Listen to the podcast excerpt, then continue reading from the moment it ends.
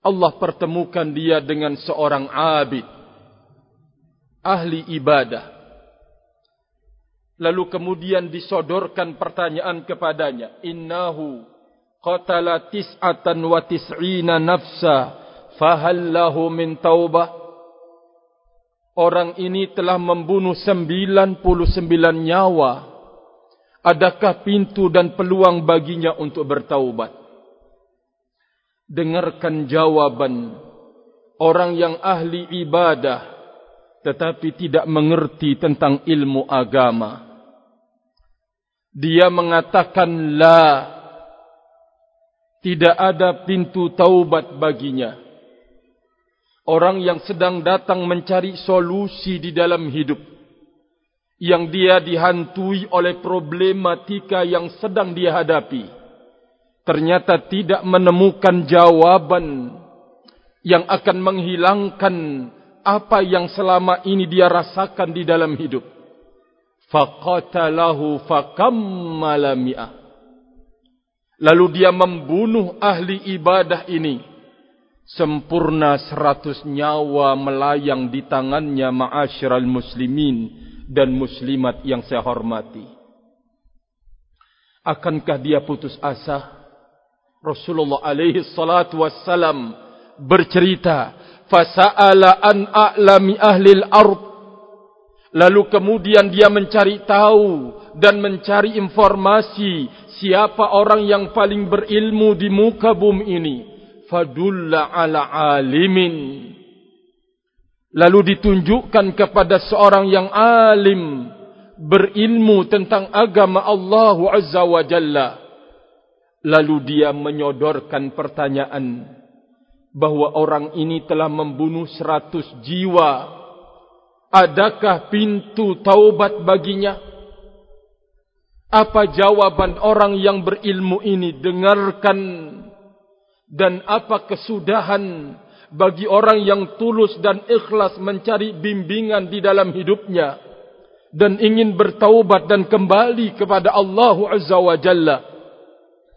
Orang alim itu memberikan jawaban. Ma yahulu bainahu wa bainat taubah apa yang akan menghalangi dia dari bertaubat kata sang alim itu memberikan jawaban tidak ada penghalang baginya untuk kembali bertaubat kepada Allah azza wa jalla setelah dia diberikan kabar gembira bahwa lumuran dosa dan kemaksiatan yang diperbuat masih terbuka ternyata pintu taubat baginya. Sang alim ini memberikan sebuah solusi yang akan membantu dia dekat dengan Allah, kembali kepada Allah, bertaubat kepada Allah Subhanahu wa taala.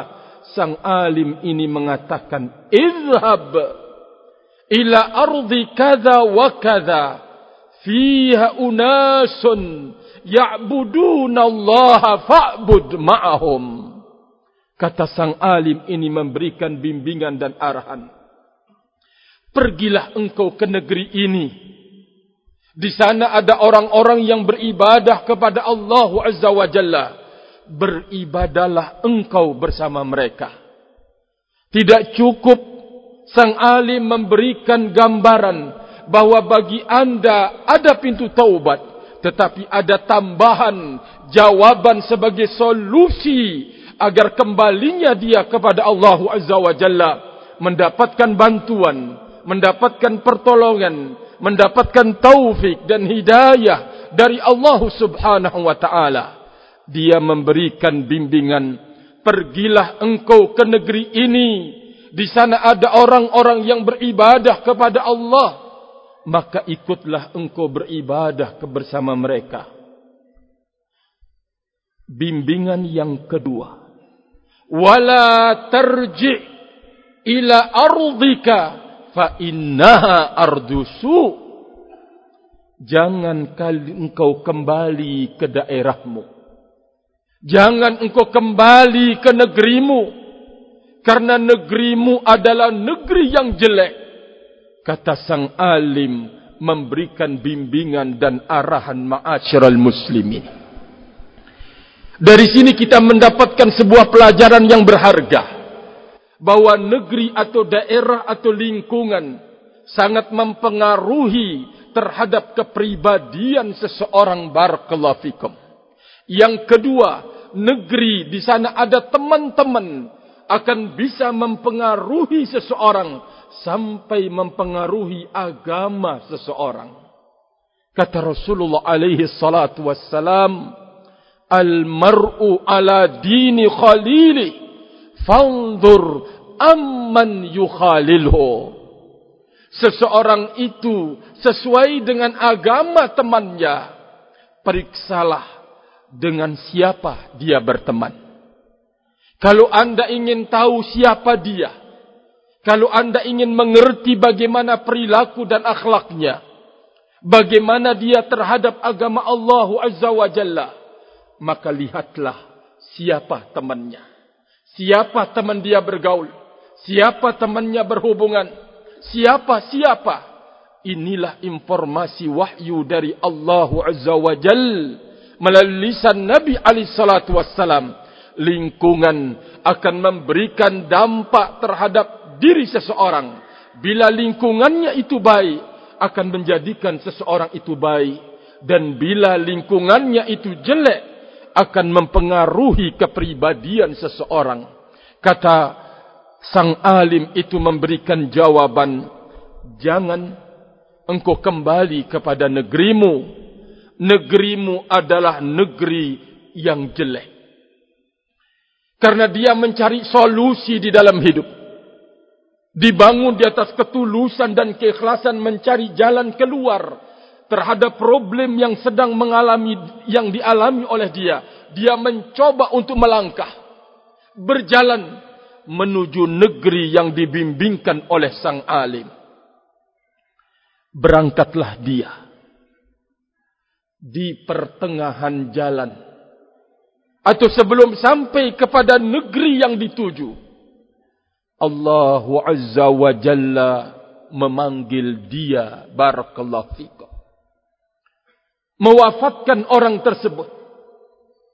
Rasul alaihi salatu wassalam bercerita sampai terjadi perdebatan yang sangat sengit antara dua malaikat. Malaikatul azab dan malaikatul rahmah. Malaikat azab mengatakan dia belum melakukan apa-apa di dalam bertaubatnya. Malaikat rahmah mengatakan, dia sedang melakukan perjalanan menuju taubat. Allah mengirim sebagai seorang hakim antara dua malaikat tersebut. Kita ingin mengerti tentang betapa tinggi kasih sayang Allah Azza wa Jalla terhadap hambanya. Namun ternyata banyak dari hamba-hamba ini yang tidak mau disayangi oleh Allah Azza wa Jalla. Allah mengutus utusan menjadi hakim antara dua malaikat ini barakallahu fikum. Keputusan dari utusan ini yaitu mengukur ke negeri mana dia lebih dekat. Kalau yang dia dia dekat terhadap negeri yang ditinggalnya yaitu negeri yang jelek dan buruk akan diambil oleh malaikat azab. Kalau dia dekat dengan negeri yang akan dituju maka dia akan diambil oleh malaikat rahmat. Dilakukanlah pengukuran. Allah azza wa jalla berfirman kepada negeri yang akan dituju untuk kemudian mendekat kata Rasulullah alaihi salatu wassalam. Allah Azza wa Jalla memerintahkan kepada negeri yang akan dituju untuk kemudian mendekat. Negeri yang dituju pun mendekat barakallahu fikum. Sampai kemudian yang mengambilnya adalah malaikat rahmah belum sempat melakukan kebajikan.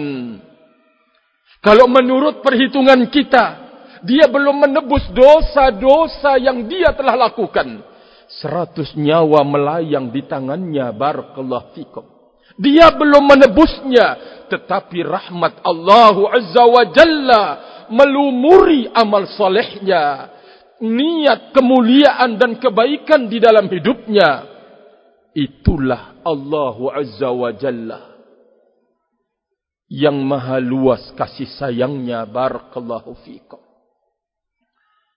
Namun di sana kita mendapatkan sebuah pelajaran yang berharga bahwa kemuliaan yang diperoleh rahmat yang dituangkan oleh Allah Azza wa Jalla ternyata harus melalui upaya-upaya dan harus melalui sebab-sebab untuk kemudian mendapatkan rahmat Allah Azza wa Jalla dari sini kita belajar tidak ada akibat itu dengan tanpa sebab. Itulah sunnatullah azza wa jalla. Hari-hari ini ma'asyiral muslimin dan muslimat. Kita sebagai seorang muslim dikejutkan kembali dengan peristiwa tsunami yang mengenai saudara-saudara kita yang berada di sekitar Selat Sunda barakallahu fikum. Mungkin sedang terangkum sekarang ini dalam informasi yang sudah dipanggil melalui peristiwa tsunami ini adalah 222 orang. Rahimani wa rahimakumullahu jami'an. Sementara 843 orang berada dalam luka-luka disebabkan karena peristiwa tsunami tersebut. Baru saja kita mendengar atau mengalami bahkan kesedihan terhadap peristiwa saudara-saudara kita yang ada di Palu. Menyusul peristiwa tsunami barakallahu fikum. Tidak ada yang bisa kita lakukan dan perbuat kecuali semoga Allah Azza wa Jalla mengampuni saudara-saudara kita muslimin dan muslimat yang telah dipanggil oleh Allah Azza wa Jalla karenanya dan semoga Allah Azza wa Jalla segera memberikan kesembuhan kepada saudara-saudara kita yang sedang luka disebabkan karena tsunami tersebut. Allah Azza wa Jalla tetap berada di dalam sifat sangat penyayang kepada makhluknya ma'asyiral muslimin. Sesungguhnya ini adalah sebuah peristiwa yang Allah Azza wa Jalla sendiri yang melakukannya. Bukan karena alam dan peristiwa alam sama sekali. Kalau ada yang mengatakan demikian, bahwa ini adalah bentuk sebuah kekufuran kepada Allah Azza wa Jalla. Karena Allah Azza wa Jalla yang mengatur semua kejadian peristiwa di alam ini. Gunung meletus, kemudian tsunami, gempa, tanah longsor, banjir bandang atau yang semisalnya. Allah Azza wa Jalla yang mengatur peristiwa-peristiwa tersebut. Mari kita belajar dari apa yang disebutkan oleh Allah Azza wa Jalla dalam firman-Nya. Wa ma asabakum min musibatin fabima kasabat aydikum. Apa yang menimpa kalian dari sebuah musibah itu semuanya disebabkan karena ulah tangan kalian kata Allah Subhanahu wa taala. Mari kita mencari sebuah kebenaran dari apa yang disebutkan oleh Allah Azza wa Jalla di dalam wahyunya. Sebuah hadis yang diriwayatkan oleh Imam Tirmizi dari sahabat Imran ibnu Husain radhiyallahu taala anhu. Kata Rasulullah alaihi salatu wassalam fi hadhihi al-ummati khasafun wa maskhun wa qadhfun. Sesungguhnya akan menimpa umat ini kata Rasulullah alaihi salatu wassalam siksaan, peringatan, hukuman dalam bentuk khasfun masuk dan ditenggelamkan ke dalam bumi barakallahu fikum. Wa maskhun dan perubahan wujud manusia lalu dirubah apakah menjadi binatang kera dan babi-babi. Wa qadhfun dan pelemparan hujan batu atau yang semisalnya. Yang semuanya itu merupakan sebuah peringatan dan azab dari Allah Subhanahu wa taala. Kata Nabi alaihi salatu wassalam akan menimpa umat ini peristiwa dan peringatan serta hukuman dari Allah Azza wa Jalla ditenggelamkan dia di dalam bumi. Atau dirubah wujudnya. Atau diturunkan dengan dilempar batu oleh Allah Azza wa Jalla. Faqala rajulun minal muslimin.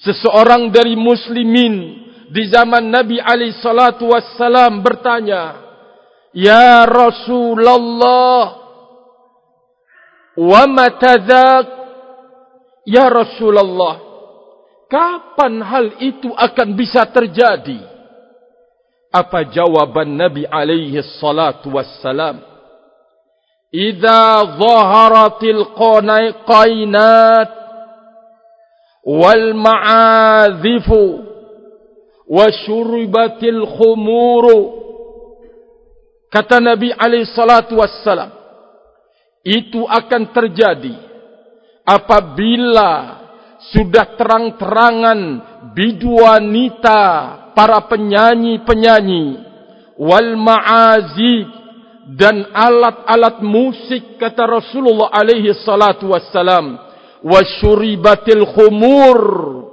dan khamar-khamar diminum kata Rasulullah alaihi salatu wassalam. Segenap saudaraku kaum muslimin dan muslimat yang saya hormati bahwa ini adalah informasi wahyu yang menjelaskan kepada kita bahwa sebuah dosa dan kemaksiatan ada perhitungannya sesungguhnya di muka bumi ini sebelum dia sampai menghadap Allah Azza wa Jalla dan belum bertaubat dari dosa dan kemaksiatan tersebut. Rasulullah alaihi salatu wassalam ditanya, "Kapan hal itu ya Rasulullah?" Maka jawaban Nabi alaihi salatu wassalam, "Apabila sudah terang-terangan para bidu wanita bernyanyi nyanyian wal ma'azib dan juga alat-alat musik dan diminumnya al-khumur yaitu khamar kata Rasulullah alaihi salatu wassalam. Segenap saudaraku kaum muslimin inilah yang menukar ketenangan dan ketenteraman dalam kehidupan berbangsa dan bernegara muslimin ada padanya. Muslimat ada padanya. Barakallahu fikum. Sehingga apabila muncul hal-hal seperti ini maka tentu Nabi sallallahu alaihi wasallam mengingatkan bersiap-siaplah umat ini untuk menghadapi teguran-teguran Allah azza wa jalla peringatan-peringatan Allah subhanahu wa taala hukuman-hukuman Allah subhanahu wa ta'ala barakallahu fikum.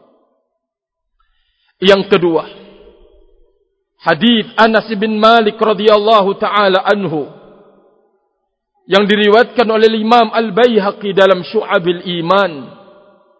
Kata Rasulullah alaihi salatu wassalam, "Idza istahallat ummati khamsan" fa'alaiha dimar ay damar apabila umatku telah menghalalkan lima perkara maka atas mereka kebinasaan kata Rasulullah alaihi salatu wassalam.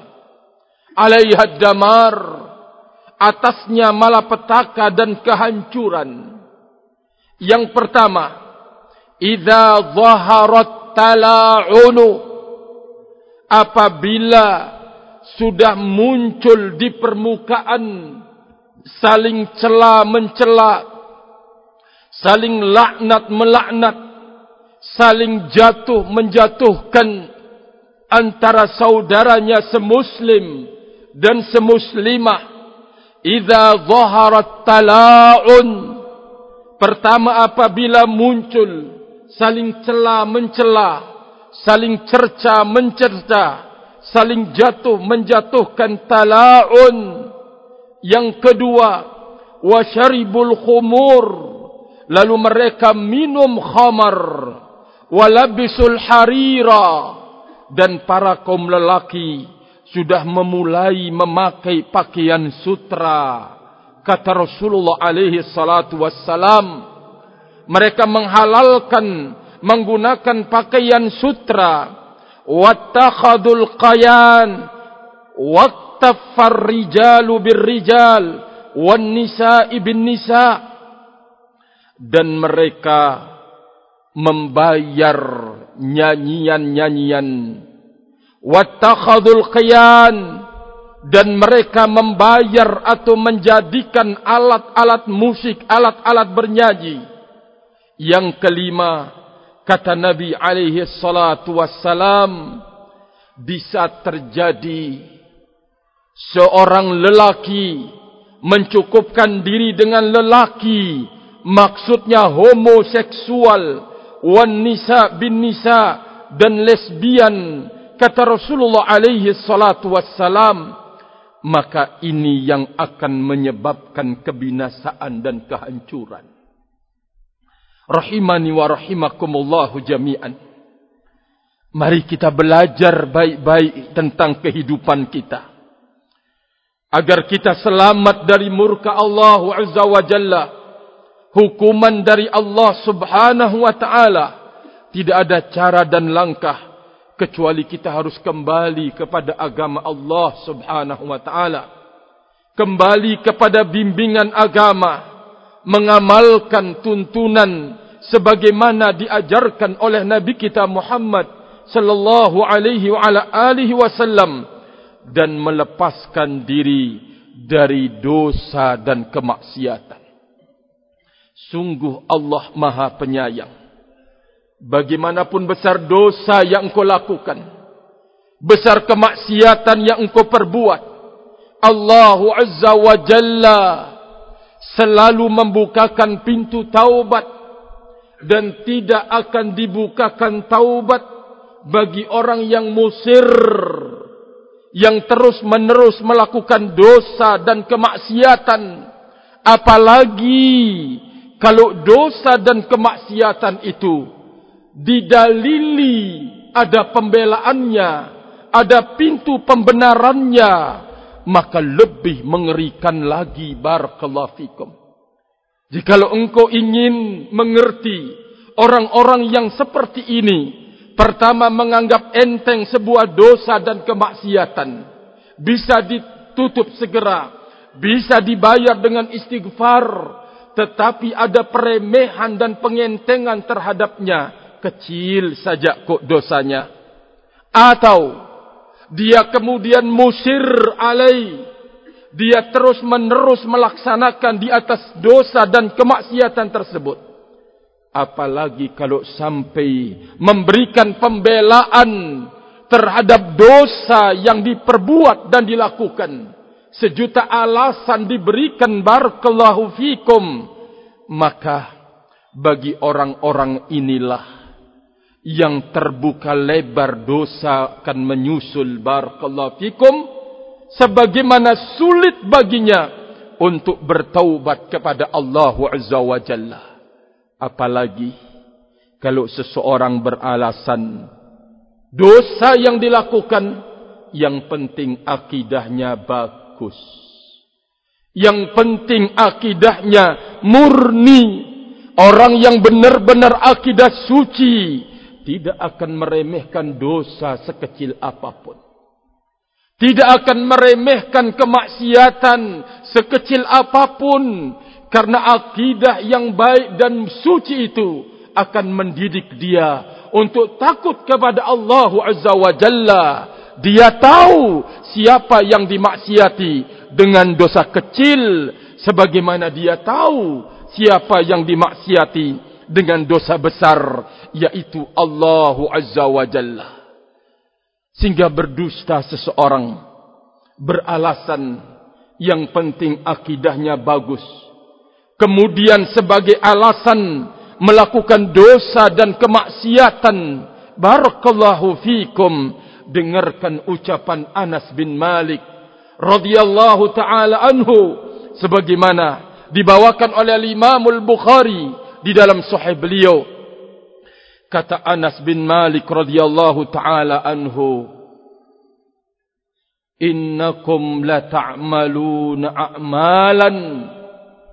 Hiya adaqqu fi a'yunikum minasy-sya'r sesungguhnya kalian melaksanakan dosa kecil bagikan rambut.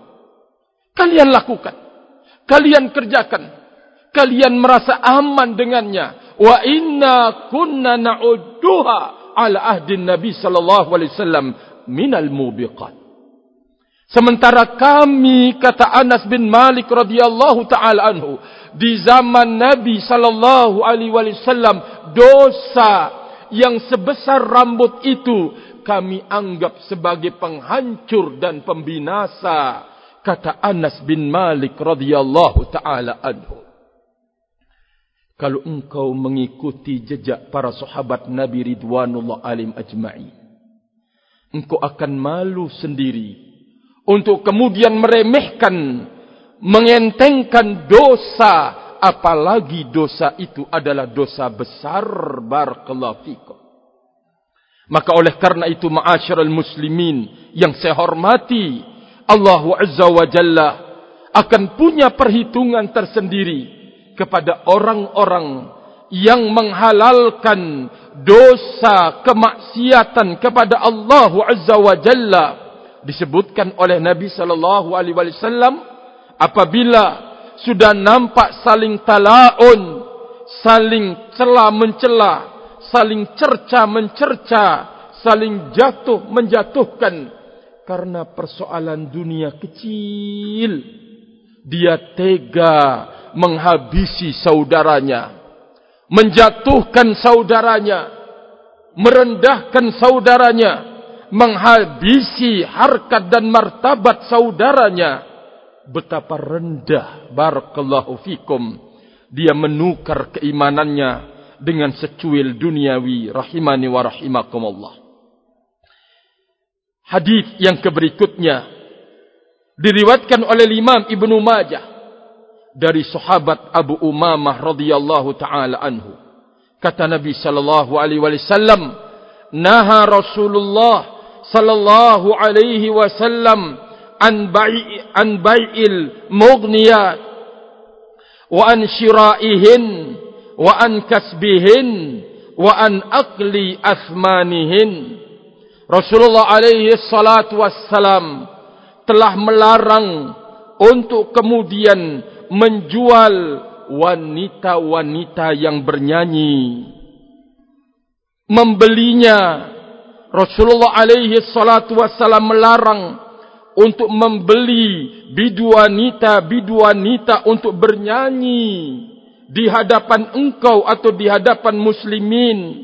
Dan Nabi sallallahu alaihi wasallam melarang dari hasil usaha mereka tidak boleh untuk dimakan hasil yang diperoleh dari bernyanyi-nyanyi kata Nabi sallallahu alaihi wasallam wa an akli asmanihin dan memakan juga biaya harga dari wanita-wanita penyanyi tersebut. Nabi sallallahu alaihi wasallam mengingatkan rahimani wa rahimakumullah jami'an. Bahkan lebih terang lagi apa yang disebutkan oleh Nabi sallallahu alaihi wasallam dalam hadis yang diriwayatkan oleh Imam Al-Bukhari dari sahabat Abu Amir Al-Asy'ari radhiyallahu taala anhu kata beliau la yakunanna min ummati aqwamun akan benar-benar muncul di tengah umatku ini. Kaum yastahilluna al-hira. Mereka menghalalkan perzinahan barakallahu fikum. Akan muncul di tengah umatku kaum yang mereka menghalalkan perzinahan menghalalkan sutra bagi kaum lelaki. Wal khamar menghalalkan minuman keras wal ma'azid dan juga menghalalkan alat-alat musik. Kata Nabi sallallahu alaihi wasallam wala yanzilanna aqwamun ila janbi alamin. Dan akan turun kaum mereka berada di tepi-tepi gunung mereka mengembalakan kambing mereka lalu menggiring masuk ke dalam kandang-kandang mereka. Ya'tihimul faqiru lihajatin ya'tihimul faqiru lihajatin mendatangi mereka itu orang-orang fakir karena ada keperluan. Mereka memberikan jawaban irji kembali engkau. Membentak kepada orang-orang fakir yang menyodorkan hajat kepadanya. Datanglah kalian besok. Belum datang orang fakir itu besok. Maka Allah Azza wa Jalla fayubayyituhumullah Allah Azza wa Jalla mendatangkan dengan tiba-tiba sebuah hukuman di dalam bermalamnya dengan Allah timpakan gunung tersebut kepada mereka Allahu Akbar Allahu Akbar Adapun yang masih tersisa kata Rasulullah alaihi salatu Allah robah bentuk mereka kiradatan wa khanazir ila yaumil qiyamah. Allah robah bentuk mereka menjadi babi-babi, menjadi kera-kera dan babi-babi. Itu terjadi sampai pada hari kiamat. Ya Allah. Segenap saudaraku kaum muslimin. Orang yang diberitakan oleh Nabi wassalam sesungguhnya sudah ada di tengah-tengah kita. Dari umatnya Rasul wassalam menghalalkan barakallahu fikum perzinahan. Menghalalkan sutra. Menghalalkan khamar. Dan juga menghalalkan alat-alat musik. Sungguh amat sangat mengerikan ma'asyiral muslimin. Maka apa yang kita sampaikan ini sebagai sebuah berlepasnya diri kita terhadap dosa dan kemaksiatan karena Allah Azza wa Jalla mengatakan wattaqu fitnatan la yusibanna alladhina zalamu minkum khassah dan takutlah wahai kaum mukminin akan datangnya ujian dan cobaan yang tidak hanya mengenai orang-orang zalim saja tetapi akan mengenai juga orang-orang alim. Kapan itu terjadi? Abu Bakar pernah merekam sabda Rasul alaihi salatu wassalam. Yushiku ayya umma alaikumul iqabu. Iqaba ya ummakumullahu alaikumul iqaba.